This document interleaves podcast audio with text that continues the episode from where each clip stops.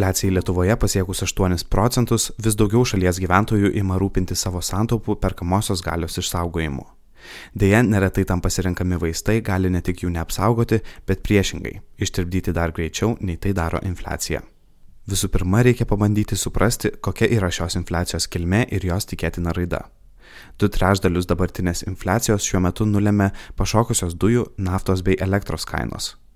Energetinių išteklių kainos tikėtina normalizuosis jau ateinantį pavasarį, o tuo tarpu daugelio kitų prekių ir paslaugų brangimas išlieka ir išliks gerokai kuklesnis, nepralenkintis atlyginimo augimo. Be to, gyventojai labai retai už dujas, elektrą ar kūrą automobiliui moka iš santaupų, todėl santaupų nuvertėjimo rizika nėra tokia didelė, kaip gali atrodyti iš pirmo žvilgsnio ir jos dramatizuoti šiuo metu nereikėtų.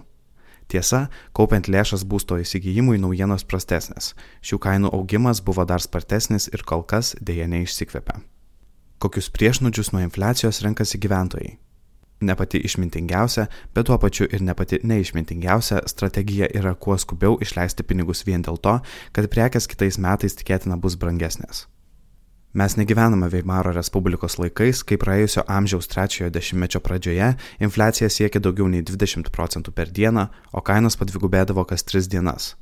Skaitę Remarko juodąjį obeliską, atsimena žaviai baises istorijas apie kas kelias valandas perskaičiuojamas kainas ir poreikį kuo skubiau išleisti gautą atlyginimą. Tokio scenarijaus tikimybė yra artima nuliui.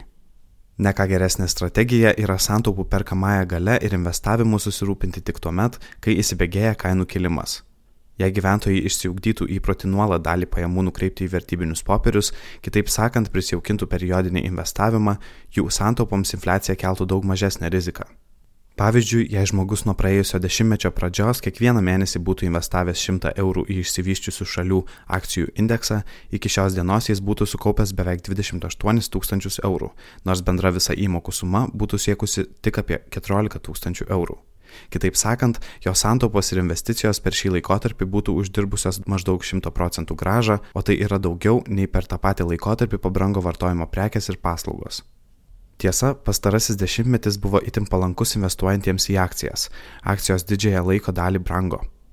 Bet net jei ateinančiais metais tendencijos akcijų rinkose bus mažiau džiuginančios, o tai yra gana tikėtinas scenarius, vis tiek periodiškai investuojant užtikrinama, kad investicinis portfelis papildomas nuolat įsigijamos ir pabrangusios ir atpigusios akcijos.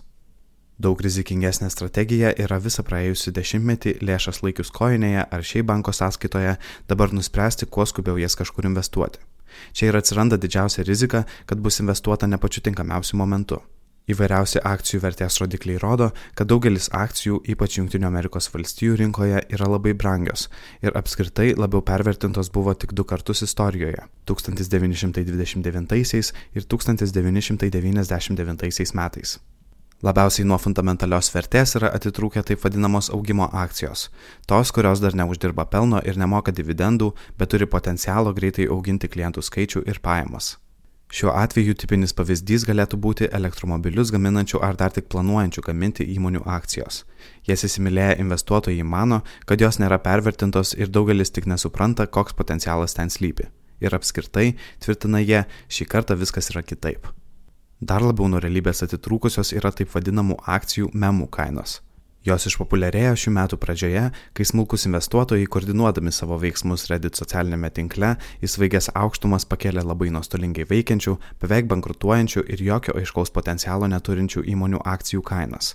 Jiems pelnas, dividendai ar ateities pinigų srautai nebuvo įdomus ar žinomas rodiklis, nes svarbiausia buvo idėja ir emocija. Galiausiai jauniausi, drąsiausi ir mažiausiai patyrę investuotojai šiemet ieškojo dar didesnių gražų, pirkdami įvairiausias kriptovaliutas ir nekeičiamus žetonus. Angliškai Not Fungible Token NFT. Jei nuspręstumėte įsigyti Shiba Inu veislę šuniuką ir bandytumėte internete surasti informacijos apie jų kainas, tai jūs pirmiausiai užgriūtų reklamos apie Shiba Inu tokenus. Jokios funkcijos netliekančią bevertę kriptovaliutą. Bevertę, bet kainuojančią labai daug Visų jų vertė šiuo metu siekia apie 20 milijardų dolerių. Turbūt akivaizdu, bet pasikartoti visgi verta. Tokių investicijų daugeliu reikėtų vengti. Patraukliausiai šiuo metu atrodo vertės akcijos. Įmonės, kurios gauna stabilias pajamas, uždirba stabilų pelną ir moka dividendus. Dividendų pajamingumas siekiantis 2-4 procentus daugeliu gali atrodyti per menkas, ypač dabartinės infliacijos kontekste. Tačiau tokios įmonės tikėtina bus mažiausiai pažeidžiamos kylant palūkanoms ir centriniams bankams bei vyriausybėms stabdant ekonomikų skatinimo programas. To tikrai negalime pasakyti apie akcijas ir kitus aktyvus, kurių kainas pastaraisiais metais kėlė tik nulinės palūkanos, pinigų pasiūlos didinimas ir žmogiškos emocijos. Galiausiai verta prisiminti, kad visur ir visada lieka galioti auksinė investavimo taisyklė. Tikėtina investicinė graža yra proporcinga prisijimamai rizikai.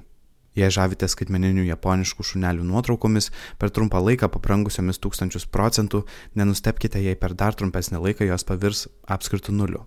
Tuo šiemet jau įsitikino entuziastingai investavę į Squid Coins. Kitaip sakant, ir šį kartą viskas nėra kitaip.